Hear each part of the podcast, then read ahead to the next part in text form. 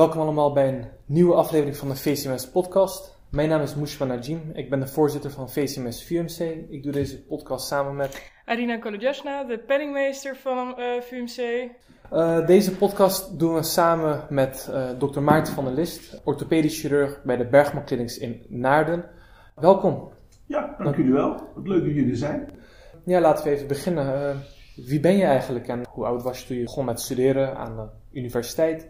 Ik ben uh, nu al 64 jaar oud. Als ik ernaar kijk, dan voel ik me oud. Want als ik denk, ja, het is een 64-jarige oude man die gevallen is met zijn schouder, dan denk ik, oh jee, is een oude vent.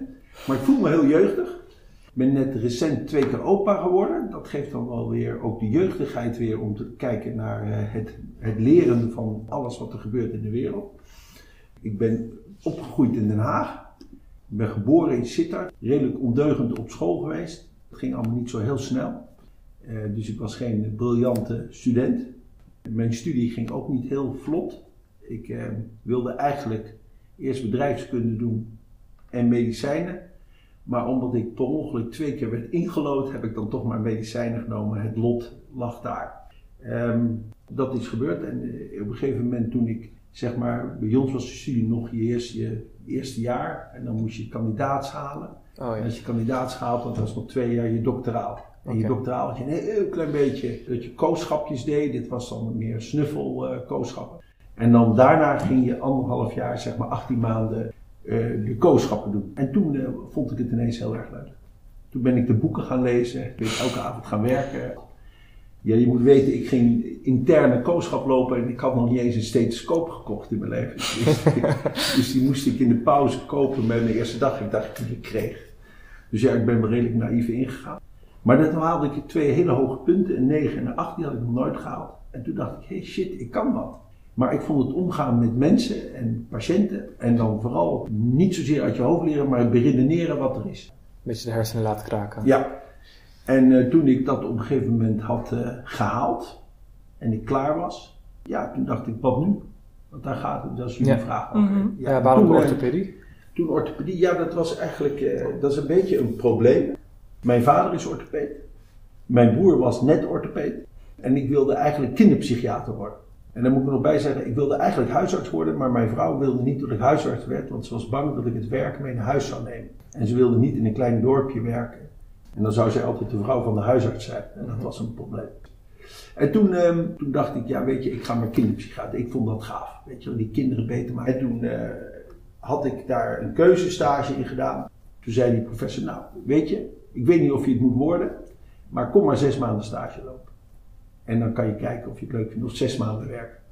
En na vier maanden kwamen we allebei tot de conclusie dat dit niet gaat worden.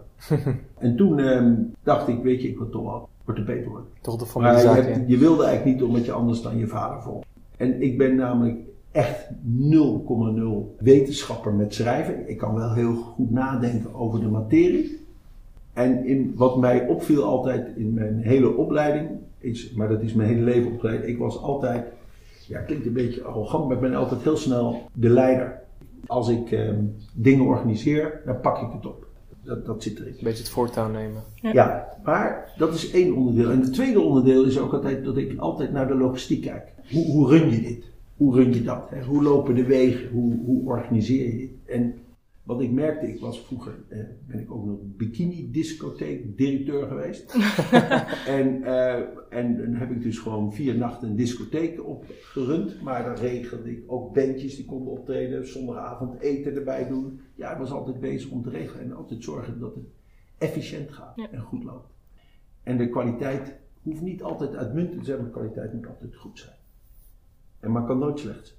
En toen uh, ik dat door had, dat ik dat deed, toen liep ik een uh, keuzestage, dat heette jullie senior stage of zo. Ja, senior stage. Senior stage. En daar had ik er twee van gedaan. één psychiatrie, maar één orthopedie. Ik had er eentje dubbel gedaan. En uh, toen zat ik op die afdeling en na zes weken kwam ik erachter dat de röntgenfoto's niet goed geregeld werden. Hè, toen had je nog mappen. Oh, nu, mm -hmm. nu zit je, de computer doet het niet, dat is jullie probleem, maar bij ons waren de mappen er niet. Want dan lagen ze nog bij de professor in de poli, of ze lagen daar daar. Nou, toen ik mijn interne kooschap deed, toen heb ik daar in vier middagen de hele reorganisatie gedaan van die foto's en het liep goed. Dus ik pak gewoon mijn rol en ik kom daar als kooschappen en ik ga dan helpen om het goed te regelen. Nou, toen ik die semi-stage deed, toen zat ik bij die professor. Ik zeg, die foto's, hij zegt, ja, dat irriteert me. Ik zeg, zal ik eens naar kijken? Zei hij, nou, kijk er maar naar. Dus ik ging naar de professor radiologie en ik had een idee. Ik zeg, ja, ik ben namens de professor gestuurd. Dus hij reorganiseerde en die professor dacht dat ik het echt met die professor deed. Ik kwam pas later achter dat hij dat toch anders had geïnterpreteerd. Ja. En toen liep het na acht weken. Vier Ja. weken voor ik klaar was. En daar is mijn sterke punt. Toen ik op een gegeven moment moest gaan solliciteren voor een plek, want daar komen we op. Toen zegt hij, ja, wat, wat, heb je, wat is je meerwaarde? Ik zeg, ik ben een goede logistiek medewerker. En toen moest hij keihard lachen. Toen zegt hij, wat bedoel je dan? Ik zeg, nou, ik mijn stage liep bij orthopedie en daar dan regel ik en reorganiseer ik het. En, ehm, en toen zegt hij, oké, dat is wel iets anders dan wat iedereen tot nu toe doet. En toen zei hij, nou, zei hij, nou kijk, als jij daar dan zo goed in bent in het regelen. Je, als jij je vooropleiding regelt, dan mag je in opleiding. En de voorleiding is de algemene Ja.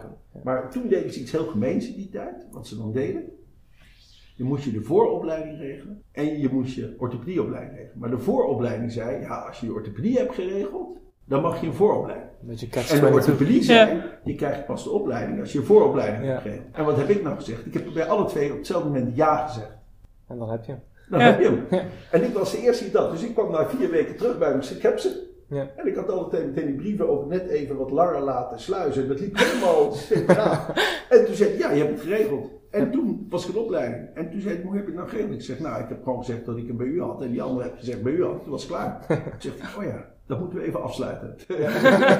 Deze weg. En waar heb je het eh, gedaan? In Maastricht. In Maastricht. Dus Ja. ik ben eh, eerst in de Bergweg ziekenhuis deed ik mijn vooropleiding. Maar toen hoorde ik dat het een fusieziekenhuis was en dat ze misschien een opleiding zouden verliezen. En toen heb ik tijd daarna gesolliciteerd bij het Sint-Franciscus Gasthuis. En daar Mhm. ben ik de vooropleiding gegaan. Oh ja. En daar had ik ook mijn interne kooschap gedaan. En je bent al een tijdje orthopeed nu, dat is al een tijd geleden. Heb je wat ja, veranderingen opgemerkt in de tijd in de orthopedie? Veel. Orthopedie, toen, toen ik in de opleiding was, in, in Maastricht in mijn opleiding was. En dan misschien nog wel grappig om te vertellen. In Amsterdam was je 1 op 200 die aangenomen werd. Groningen 1 op 150. Nijmegen 1 op 200 of zo. En in Maastricht 1 op 10. Ja. Dus ik ben naar Maastricht gegaan, had ik een grotere kans. Ja. Oh, Daar ja. moet je ook over nadenken. Je hoeft niet altijd de ideale plek te hebben. Dat is ook een probleem. Maar Ja. goed, in ieder geval, ehm, toen ik begon, toen hadden we, deden we voor het eerst een heupje erin. Mhm. En dat was dan, ja, dan deden drie op een dag. En een hele goede operateur deden vier. Dat was de King. En eh, toen deden we voor het eerst de meniscus er aan de binnenkant uithalen. Maar de meniscus aan de buitenkant heb ik samen met een andere artsassistent hebben wij de eerste de buitenkant eruit gehaald. Nou, dat was, eh, dat was staarteten. De Ja? eerste buitenmeniscus was geopereerd. En we deden toen ook heel voorzichtig schouderscopieën. Nou, dat was een drama. Dat duurde soms anderhalf uur voordat we een stukje van het dak af hadden gehaald. En het leuke was, onze professor zei, ga maar oefenen. Je hebt mijn woensdagmiddag, eh, mijn vrijdagmiddag elkaar krijg je en ga maar met z'n tweeën proberen. Mhm. Dus dat ging zonder leiding, ging het proberen af, vertrouwen je en dat deed je. Er zijn een aantal dingen veranderd in de opleiding. Vroeger deden wij, bijvoorbeeld, ik heb toen ik in de opleiding ging, had ik 220 dynamische heupschroeven geplaatst. Dat is gigantisch. Ja. In je opleiding van een 6,5 jaar tijd. Maar je opereerde heel veel. Maar het scopische werk was heel zeldzaam. Dus toen ik begon, eerst als chef de kliniek in een groot ziekenhuis. Toen ging ik daar opereren. Nou, die heupen had ik er misschien wel 100 van gedaan, dat is best veel. En knieën misschien 15, dat is heel weinig. Mhm. En schouders. Wel veel meegekeken, maar nog niet veel gedaan. Maar ik had wel gezegd, ik ga de schouders doen. Ja. En aan de andere kant deed ik kinderorthopedie. En dat had ik wel veel gedaan. Dus ik heb die kinderorthopedie, toen ben ik naar chef de kliniek geworden. Toen ben ik na een jaar aangenomen, wel een mooie truc. En toen deed ik kinderorthopedie, schouders, heupen, knieën, kruisbanden. Maar ik deed geen voeten en geen rug. Nou, dat was al een hele, hele stap. Want iedereen deed alles.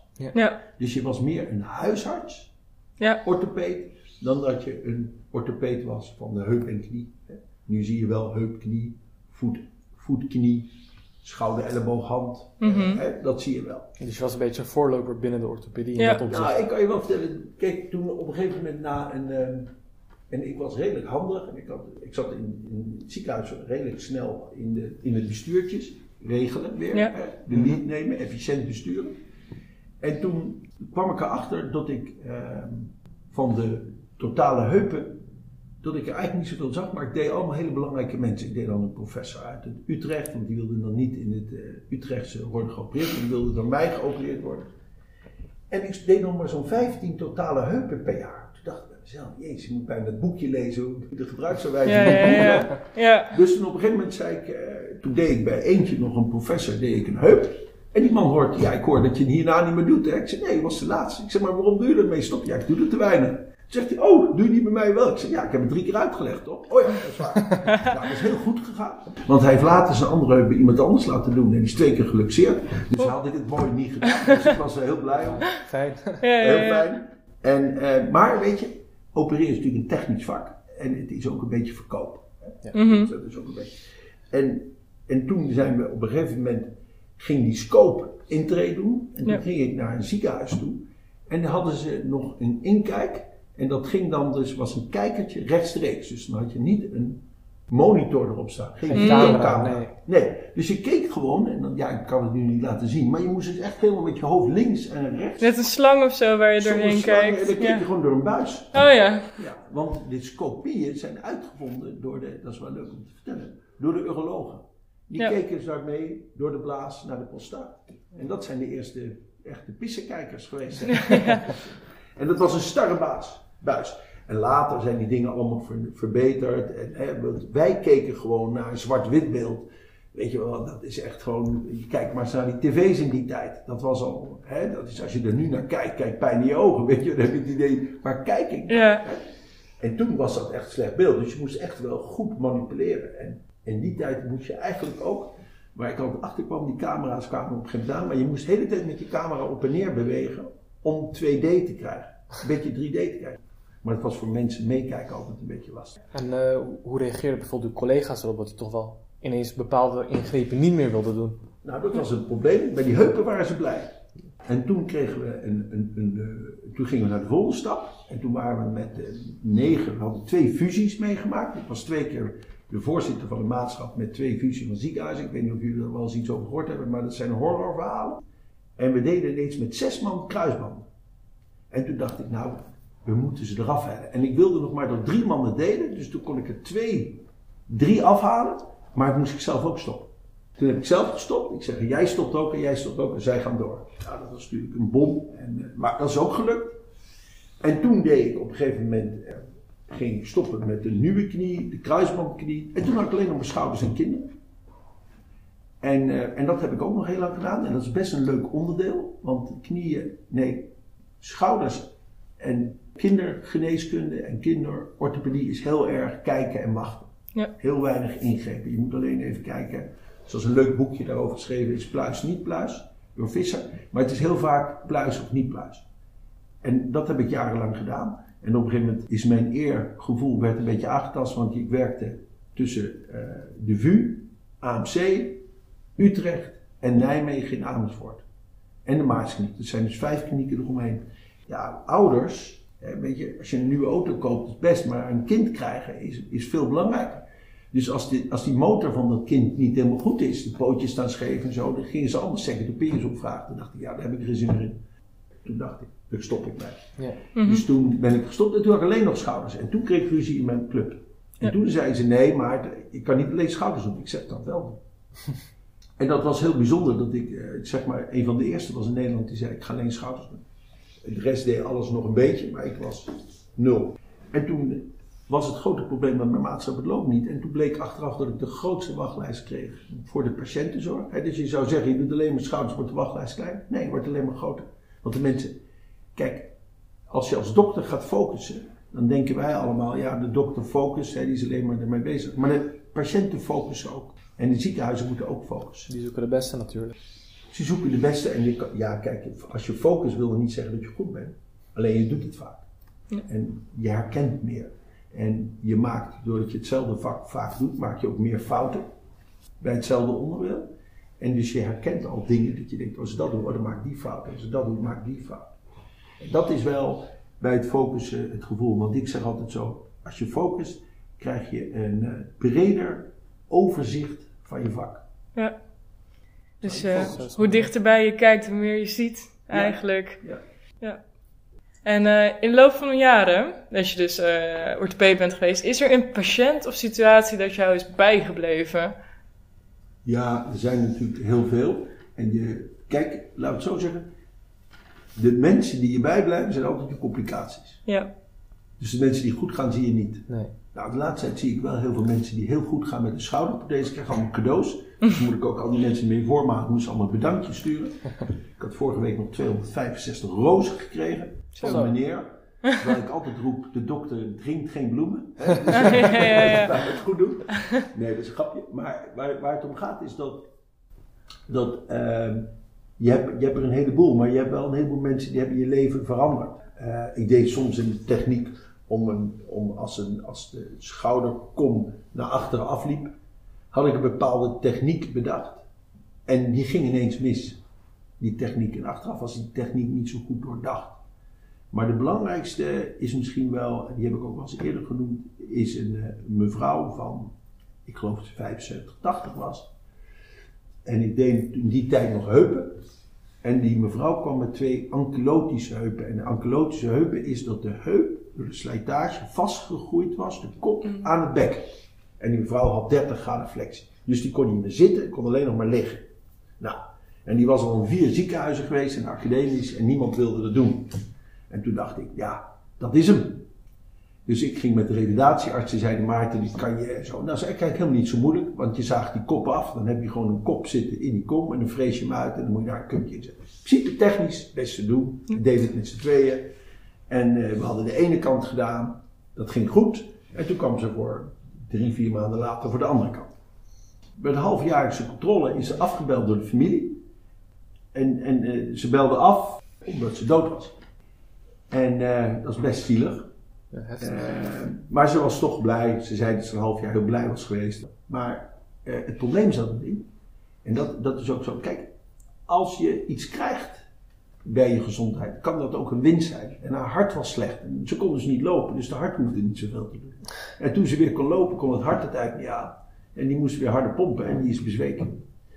Dus ze is eigenlijk overleden door mijn operatie. Dus ik heb het zelf eigenlijk gedaan. Dat is natuurlijk niet zo echt zo, maar dat zijn wel dingen waar je over na moet denken. Weet je, wat is de. Wat, wat, wat is de hè, wij kunnen iedereen wel laten lopen hè, en alles laten doen. En, maar wat zijn de grenzen in dit Ja. soort dingen? Wat is de grens van het mens en de grens van de gezondheid? En ik denk dat daar wel. Hè, dus nu roepen de orthopeden dat de, wachtlijsten lang zijn en eh, dat de mensen heel erg lijden. Maar aan de andere kant, als ik al die mensen spreek, ja weet je, ze passen zich ook weer aan. Hè, als je pijn hebt. Er zijn een aantal zie- echt zielig mensen met pijn en die worden hier geopereerd. Maar het zijn er geen 120.000 hoor. Dus Nee. eh, dat geloof ik allemaal niet zo. Ja. En eh, ja, je hebt, je hebt, zoals we nu al een beetje horen, een heel eigen kijk op eh, manier van opereren en werken. Merk je ook nu, als je nieuwere chirurgen ziet, jongere chirurgen, eh, dat er een verschil is tussen jou en hun werkwijze? Ik denk wel dat de jongens die hier allemaal beginnen wel allemaal nog ouderwets opgevoed zijn. Hè? Weet je, je wordt opgeleid door iemand. En dat is je opleider. Ja. En als die ouderwets denkt, nou, toen de gemiddelde opleiders, dan, dan wordt er niet zo modern gewerkt, vind ik. Dus eh, dat, dat is wel, een, dat is wel een, een ding. Ja, ik denk dat ik wel vooruitstrevend ben hoe ik werk. Mhm. Hè. Dus bijvoorbeeld als ik poli doe, doe ik zelf niet de intakes. Nee. Ik doe Nee. polydames. En vroeger deed ik dat student, eh, voor fysiotherapeuten doen, maar dat is veel te duur. Dus gewone studenten kunnen het, doktersassistenten kunnen. En die intakes worden hartstikke goed gedaan, die worden uitgebreid gedaan en dan zie ik het overzicht en dan weet ik al een klein beetje wat het is. En dan gaan we het onderzoek doen en dan hoef ik niet zelf te typen. Dan, hè, dan noem ik de scribes, de schrijvers. Die typen alles in en alles staat er goed in. Soms een paar spelfouten. Nou, ik ben zelf ook dyslectisch, dus ik ben er niet zo wakker van. Eh, maar er staat alles erin. En dan kan ik zo'n drie kamers tegelijk gunnen. Ja. En dan loop ik van de twee kamers door een dokterassistent, een derde door een fysiotherapeut. En als ze een beetje achterlopen, doe ik nog een vierde. Is dat goed? Ja, dat is wel goed volgens mij. Ja. Want het is, eh, het is een efficiënte manier van werken. En dan kan je natuurlijk wel zeggen, ja, moet je wat langer luisteren naar de patiënt. Hè? Want in het verhaal wordt een diagnose meestal verteld. Dat kan zo zijn. Maar ik denk wel dat waar het om gaat is wat de mensen die bij mij komen, zijn met veel second opinions en ze komen eigenlijk voor een beetje duidelijkheid. Ja. Hè, Als, je, als, ze de, als ik de diagnose weet en ik weet wat er aan de hand is, ja, wat, wat voor een therapie pas je toe? Hè? Als de patiënt dus heel labiel is, moet je niet meteen iets voorstellen van een operatie of zo. Dus je moet wel, dat is het spelletje wat je speelt. Maar daar is iedereen wel gelijk. Hè? Het is niet zo dat ik de baas ben, nee, het is iedereen gelijk. En het verschil met een groot academisch ziekenhuis is, is eigenlijk dat de baas kijkt eerst Ja. Mhm. en dan kijkt het ander. Ja. En dat is het verschil. Hè? Dus je bent veel sneller met je diagnose en het is ook daardoor een stuk goedkoper. Omdat de diagnose, ik weet al, nee, joh, het heeft geen zin om een MRI te maken, het heeft geen zin om een echt te maken. dit is goed. Nee. En in zoverre denk ik dat, dat bij manier van werken van oud en nieuw bij mij misschien niet helemaal past. En En zie je de jonge orthopeden zich ook aanpassen in de loop van de tijd dat ze Als hier ze een tijdje zitten? zien hoe efficiënt het gaat, dan willen ze zich wel aanpassen. Ja. Maar ze vinden de, de werkdruk is eigenlijk hoger. Hè? Want je Ja. moet continu van de ene kamer moet je weer plup, lopen naar die andere kamer. En dan heb je weer een ander mens en dan moet je weer inbeelden en dan moet je weer focussen en dan moet je je weer helemaal erop leggen. Snel schakelen. Ja, en dus je moet wel een lichte attack in je hoofd hebben van eh, misschien moet je toch wel een klein beetje, ja, een beetje autistisch denken om dat te kunnen. Ja. En mijn vrouw vindt dat ook, hè, dat ik dat een beetje. maar goed, ehm, dus je moet heel erg concentreren wat je doet. en vind je ook dat de werkdruk in het algemeen eh, hoger is dan vroeger? Of Nee. nee? Nee. Ik denk wel, en dan komen we natuurlijk een klein beetje op het probleem. Eh, als ik kijk naar, naar jonge studenten, en ik heb er een paar om me heen die in opleiding zijn, er is wel een ongelofelijke angst om een fout te maken. En ik vind, ja weet je, fouten zijn mooi, daar leer je van. Als ik, ik was nooit zo groot geworden met al mijn patiënten die op het kerkhof liggen waar ik fouten gemaakt heb. Ja. Hè, dus ik heb mensen gewoon kapot gemaakt. Ik heb verkeerde operaties gedaan, verkeerde indicaties, maar ik heb wel geleerd. Dus als jij een patiënt ziet en je stelt een diagnose voor, hoef je niet bang te zijn om een fout te maken. Maar de teacher moet ook kunnen, makkelijk met een fout kunnen omgaan voor of daar gezellig over kunnen kletsen. Dus eh, ik ben opleider voor huisartsen hier, dus ik, geen, ik leid geen orthopede op, maar huisartsen. Mhm. En dan komen er zo'n vier per jaar langs. En ik zorg dat ze zich lekker voelen. Dat ze, eh, en werkdruk, ja, werkdruk leg je jezelf ook aan. Er zijn een aantal werkdrukken, dat is bang om fouten te maken. Dat moet je niet doen. En ik vind ook dat de opleidingen fouten moeten toelaten. Dat mensen fouten mogen maken. Ehm, en dat is wel vervelend natuurlijk voor mensen dat er een fout gemaakt wordt. Maar als je een fout mist, is wel vervelend, maar je moet wel leren. Maar ik denk wel dat je, eh, dat, is één. En ten tweede vind ik ook dat het, in opleiding komen, dat je hè, zo moet vechten om er te komen en dat soort dingen, dat, dat is ook lastig. Ehm, met ook twee mensen die werken meestal. Mhm. Wij werkten, mijn vrouw was net iets eerder afgestudeerd in rechten dan ik. Ehm, en die moest ook de baan veranderen, want we gingen naar Maastricht in de opleiding. Ja. Ze kwamen uit Rotterdam, dus ze moest de baan opzeggen. Het was een hartstikke goede baan. En die heeft ze toch opgeofferd. Ze zegt wel achteraf, eh, het is, het is allemaal goed gekomen. Maar ze baalt soms toch wel dat ze geen carrière gemaakt heeft. Mhm. Eh, dat, dat is een nadeel. Jullie alle twee carrière willen maken. En is dat goed? Ja. En is dat niet goed? Ook ja. Moet de man het zijn? Moet de vrouw het zijn? Allemaal wel vervelende rotvragen. Dat is één. En ten tweede, doordat jullie dat zo hebben, nemen jullie, is de scheiding tussen werk en privéleven is het vervagen. Ja. Dus ik vind, als je werk doet, maak je werk af. Kom liever een drie kwartier uur later thuis. Mijn vrouw vindt dit niet zo'n heel leuk onderwerp. Kom je liever een uur te laat thuis. En eh, zorg dat je werk af als je thuis bent, werk ik nooit. Ik thuis werk ik nooit. Nee. Stiekem op zondagmorgen zit ik nog wel eens te berekenen hoe mijn praktijk loopt, wat ik kan veranderen. Dat doe ik één keer per maand. Op de eerste maandag, de eerste zondag van de maand, sta ik om zes uur op, ga ik drie uur nadenken over mijn praktijk. Kan ik dat nog verbeteren, dat nog verbeteren? Ik ben 64 hè, dus ik kan dat nog verbeteren, dat, en ik verbeter het nog steeds. Dat moet je wel doen, dat kan je wel doen. Maar probeer thuis gewoon thuis te zijn. Je biertje te pakken, je hapje te eten en je leuke dingen te doen. Maar ga niet proberen ehm, die scheiding te doen. Maar heb ik natuurlijk wel makkelijk. Mijn vrouw regelt alles thuis. Ja. En ik heb, ik kan dan, eh, eh, ik laat de boel de boel. En ehm, merk je ook dat de wetenschap nu een eh, veel grotere rol speelt in de rol van een specialist dan vroeger? Ja. Maar ik weet niet of dat altijd goed was. Ik heb pas geleden moest ik een lezing houden over een stukje van het dak afhalen. Hè. Dat is bij ons een groot probleem. Dat is dat mensen krijgen een slijmbeursontsteking. En vroeger dachten we altijd dat er dan moest je een stukje van het dak afhalen en dan ging het goed. Mhm. Maar de wetenschap op dat moment in alle tijdschriften wezen erop dat het een goed onderzoek was. En dat was de twee groepen vergeleken en alles. En dat het veel beter was om te opereren. Hè? Mhm. En nu zeggen we, jezus, niet als je die operatie nog doet. Nou, dat is bijna een, een moord hè, als je dat doet. Dat, is gewoon, dat kan je niet maken. En er zijn nog wel eens een enkele keer dat je die operatie moet doen. Mhm. Ik ben er al 14, 15 jaar geleden mee gestopt als een van de eerste. Ik, ik deed er zoveel dat ik denk, het helpt helemaal geen ene flikker.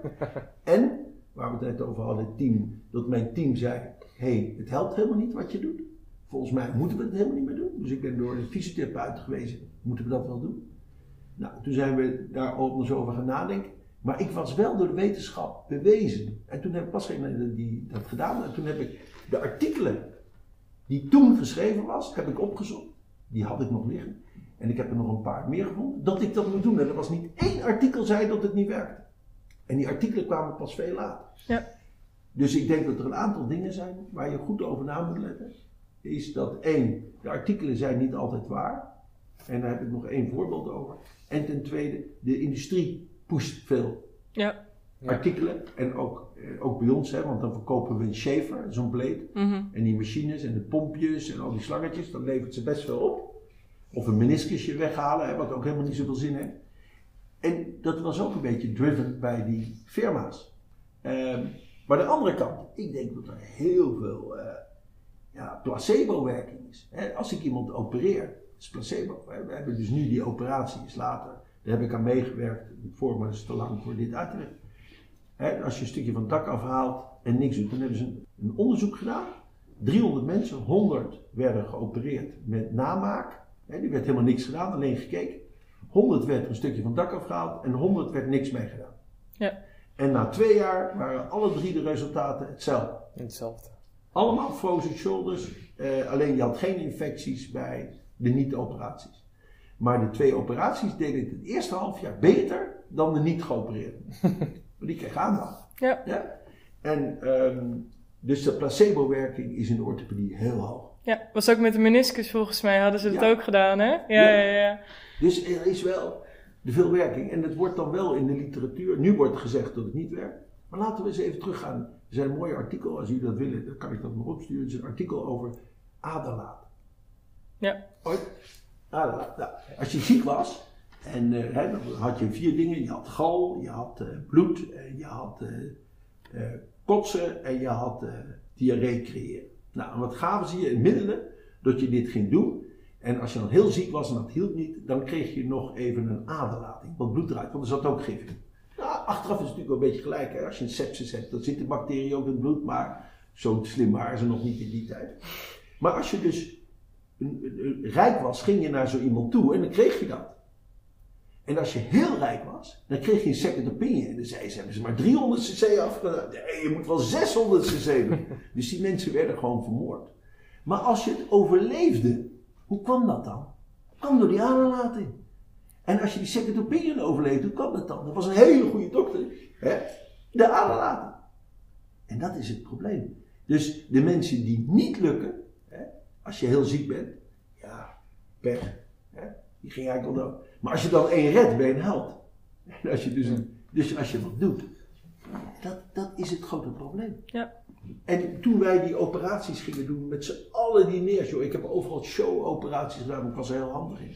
Dus ik moest dat overal showen en dat soort dingen. Ja, ik heb daar zoveel mensen placebo technisch mee beter gemaakt. Mhm. hè. Maar ik heb ook wel eens gehad dat ze in, in bepaalde klinieken in Nederland onderzoek deden. Dat je, als het de eerste keer niet genoeg was, je de tweede keer meer eraf moest halen. Net zoals het aderlaten. Ja, Maar dan brak soms het dak. Dan moest je het dak reconstrueren. Zo erg was het. ja, Nog verder van huis. ja Mooi. inderdaad. Mooi, hè? dus mm, ik vind dat de huidige literatuur is niet goed genoeg. Nee. De huidige literatuur is hype. Hè, en als de een roept, er moet een stukje van het dak af, dan worden allemaal artikelen gemaakt, dak eraf.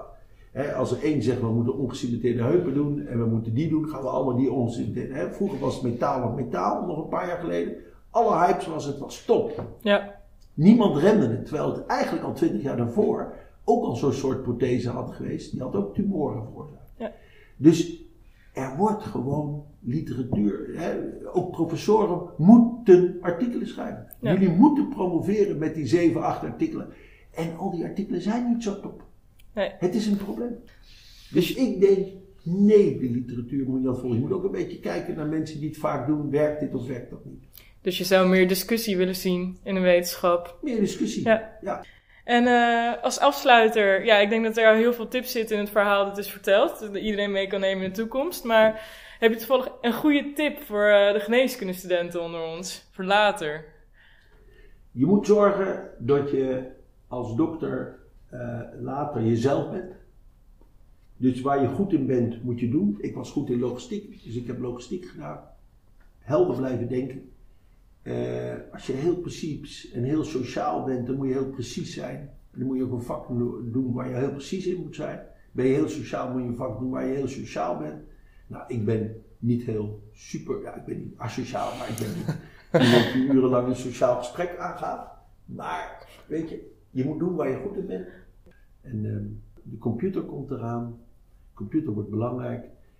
Eh, ik ben nu bezig met een bedrijf als consultant om te werken dat uh, de huisartsen-app gaat werken. Waardoor je de diagnose, de app gaat doen. En dat de huisarts die app gebruikt. Maar die gaat ook anderhalve lijnzorg doen. Die gaat een deel van de specialistische zorg doen. En ik denk die kant gaan we wel op. Dus wel handig zijn met computers. Goed daarmee om kunnen gaan. Snel kunnen typen. Dat kan ik niet. um, maar de andere kant, ja, daar heb ik weer Scribe voor. Dus ja, weet je. Het, blijft mooi, het vak. En, uh, maar we zijn er nog 0,0. We kunnen nu een heel klein beetje kanker behandelen. We kunnen een heel klein beetje nieuwe heupen, nieuwe knieën en nieuwe schoudertjes vervangen. Hè, maar een heleboel dingen hebben we nog helemaal niet opgelost. Het pancreas kopcarcinoom, dat is eigenlijk niks. Dat is echt heel slecht wat we daarmee omgaan. Dus we hebben nog heel veel dingen te doen. Er is nog genoeg werk. Maar ja, niet iedereen moet 90 worden, hè? dat is ook wel betaalbaar. Ja. Dus dat, dat, de regering nu gaat zeggen, ja, de mensen moeten vijf jaar ouder worden. Nee, ze moeten helemaal niet vijf jaar ouder worden. Ze moeten tot de dag dat ze dood zijn, moeten ze heel gelukkig zijn. Waarom moet iedereen 95 worden? Ja. Heel erg bedankt voor, de, voor dit leuke en uh, interessante gesprek. Ik denk dat uh, zowel wij twee als de luisteraars Ja. er heel veel van opsteken. Nogmaals bedankt, dokter Maarten van der List. Oké, jongens, leuk om te doen. Bedankt.